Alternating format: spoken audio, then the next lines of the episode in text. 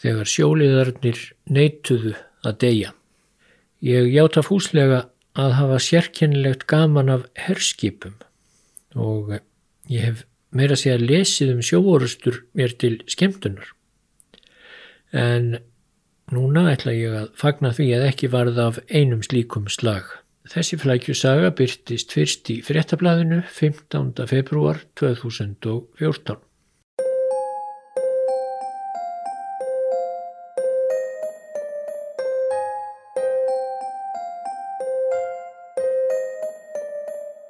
Eitthvað er það í sálartetri mannsins sem veldur því að hann er veikur fyrir tilhugsuninni um að forna sér.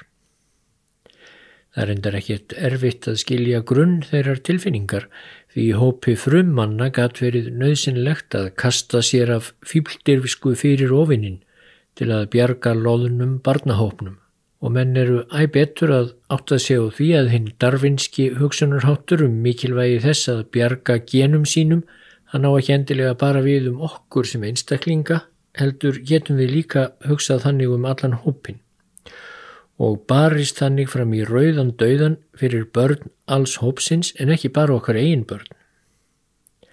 En einhver staðar á leið Homo sapiens frá Gresjunum í Afriku hljóp ofvöxtur í þennan eðlistátt, rétt eins og marga aðra sem við erum síðan búin. Þessi ofvöxtur gerð okkur vissulega því sem við erum en fór stundum út yfir allan þjófabálk. Svo kvöt að hafa allan vara á sér og skíma sífælt eftir hléparða í grasinu. Hún hefur í verstu tilfellum gert okkur vænisjúk og ofsakvíðin. Þegar við lærðum að tala til að skiptast á orðum um hvert og er í vanlegast að fara til að veiða, þá endaði það með því að sumir geta nú bara alls ekki haldið kjæfti. Og sá hæfileiki að geta blístrað kveld til að láta félagana vita að kannski sé hliðbarði að koma. Hann hefur náð hámarki sínu með Eurovision söngvakefninni.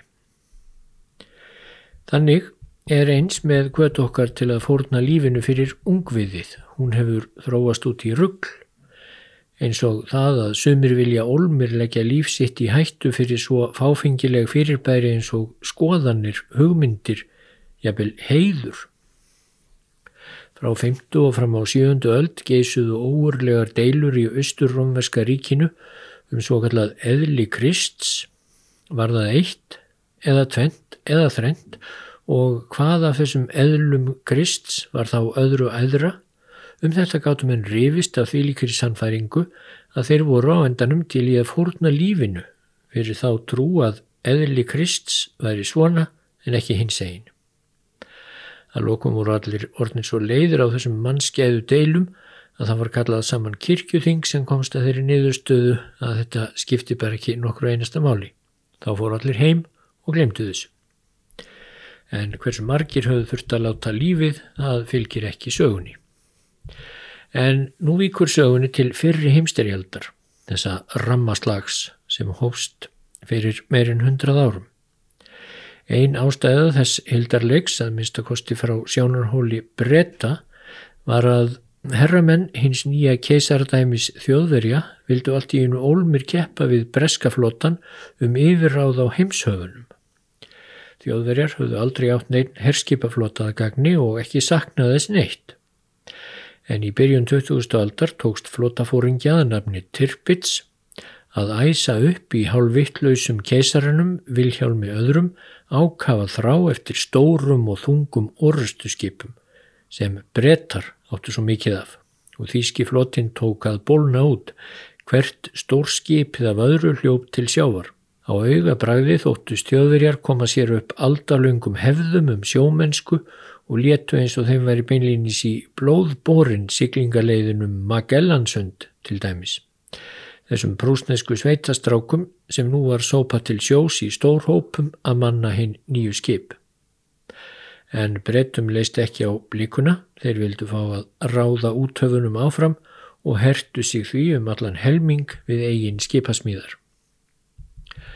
Árið 1906 tóku brettar í notkun nýtt herskip sem hétt Dreadnought en það þótti svo fullkomið að samstundis urðu öll eldri orustu skip úreld. Brettar og þjóðverjar hófu nú æðiskengið kapplaup um að smíða sífelt stærri og fullkomnari orðstuskip sem byggðu á þeim nýjungum sem framhauðu komið með dreadnót.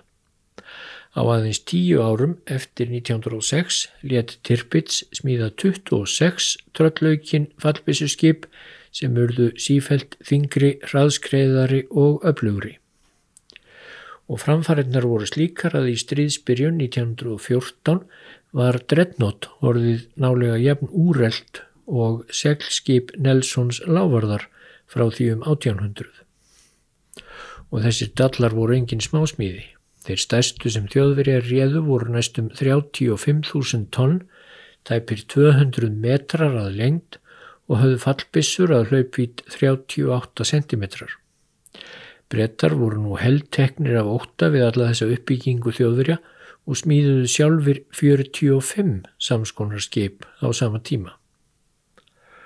Þjóðverjar vissu því að þeir myndi ekki geta náð breska flottanum að stærð alveg á næstunni en hugsun þeirra var svo að þýskiflottin yrði svo öflugur að þegar kemur til stríðs, þegar já, ekki ef, þegar kemur til stríðs þá myndu brettar hika svo að leggja til sjóorustu af hræðslu við að tapa stórum hluta flota síns að breskiflotin gæti í raun og veru ekki lengur gengt skildum sínum öllum. Nú, síðan braust stríðið út og þá fór það svo að það voru þjóðverjar sem lögði ekki til orustu af óta við að tapa skipum sínum. Aðeins einu sinni vógust öll þessi rísaskip á. Það var út af Jótlandsströndum um mánaðamótin mæjúni 1916 Þá var heilmiklu púðri eitt en svo lögðu þjóðverjar á flótta áður en hámarki bardagans var náð. Og svo hýmdu þeir í höfn til stríðsloka, mórallin hjá mannskapnum fór vegallrar veraldar með tímanum, þjóðverjum fannst þeir vera gagslausir sjóliðarnir, þeir lágu í kójum sínum á þessum ognar skipum en til hvers voru eiginlega allar þessar fallbissur. Tirpits var þá horfin á braud en það komin að þeirri niðurstöðu að all þessi fallbissu skip stóru væru meir og minna gagslaus við að knésetja breyta. Þóttan hefði sjálfur beitt sér fyrir smíði þeirra. Nú sá hann að það væru kavbátar og aftur kavbátar sem eh, vanlegra værið að smíða. En jafnvel þegar þjóðverjar sleftu og lokum öllum kavbátum sínum lausum þá var það orðið á seint og stríðið tapað. Í oktober 1918 var bara orðið tímaspursmál hvenar Þískaland gefist upp. En þá greip sjálfsfórnarlundin yfir menn flottans. Þísku aðmírálatnir yfir menn flottans héttu Reinhard Scheer og Franz von Hippen og þeir ákvaðu að lokskildi silt til hafs, kúlur settar í bissur og ný, östlað söður í Ermarsund og látið sverfa til stáls gegn breska flottanum og barist til þrautar í þetta sinn. Þýsku aðmírálatnir hippir og sér vissu fullvel að þetta var sjálfsmorð fyrir flótan. Því flótin þeirra myndi sennilega farast meirum minna allur en hugmynd þeirra var svo að greiða breskaflótanum eins mikið högg og þeir gætu. Það myndi, sögður, á einhvern hátt bæta samningstöðu þjóðverja nú þegar óhjákvæmileg uppgjöf blasti við. Það var reyndar allt frekar óljóst hvernig stórslagur í Ermarsundi geti bætt samningsstöðu þjóðverja. En það var líka fyrst og fremst hinn eðlislæga en úttútnaða sjálfsfornarlund sálarinnar sem hafði heldtekið þá félaga sér og hippir. Sér var þá reyndar komin í land og átti ekki að sigla sjálfur þessa hinstu för en hippir var óður og uppvægur. Hann skrifaði Orusta um heiður flottans, jafnvel þótt hún leiði okkur til bana, verður kveikjannað nýjum þýskum flotta. Nýr flotti er óhugsandi ef fríðarsamningum fylgir ekki heiður. Heiður já, þar lág að. Þetta loftkenda hugtak heiður. Hipper vildi fórna sér fyrir heiður flottans og fórna flottanum öllum í leiðinni. Honum fannst eitthvað fallegt við það. Hipper hafði stikað svo lengi um þilfur skipana þar sem þau lágu aðgerðar laus í höfni í Vilhelmshafen að hann var farin að trúa því að þessar játnarúur byggju yfir prívat og persónlegum heiðri og að honum væri ætlað að gæta þessa heiðurs. Hugsuninn um að flottin þyrti að farast svo nýr flotti gæti fæðist, það eru þetta hugmyndin um ragnarök sem því miður hafði þá síjast djúft inn í sálir þjóðverja, líklega út af öllum þessum vagnir sem afbakaði hína eðlislegu kvött til að hætta lífinu fyrir ungviði sitt, svo úr varð útblásinn sjálfsfórn í þá óljósrar hugmyndar, eh, hvaða hugmyndar sem var nánast, en meðskildi fylgja algjör eðilegging fyrst og svo upprýsa. Þannig vildu hipper og sér hafa það, en nú gerðist undrið. Sveitastrákarnir frá Brúslandi, kólanámu þjarkar frá Rúrhjeraðinu, stuttbuksna drengir frá Bæjaralandi, allir þeir sem höfðu húgt um borði í skipunum í fjögur ár samfleitt og áttu samkvæmt skilgreiningu að þrá ekkert heitar en að fá að forna sér fyrir heiðurinn, þeir sögðu hingað og ekki lengra. Þeir höfðu hort upp á bræður sína, forna sér möglunar löst fyrir heiðurinn í helvíti skotgrafana á Vesturvíkstöðunum. Nú sáu þeir ekki tilgangin í því að vera allt út í dauðan í sjálfsfórnar sælu aðmýrálana. Aðfara nótt 30. oktober 1918 neittuðu sjóliðar orustu skipana í Vilhelmshafen að létta akkerum þegar sigla átti út í dauðan. Án sjóliðana voru skipin sannarlega ekki annað en járnarhúur, hvað sem leið myndum heðri þeirra.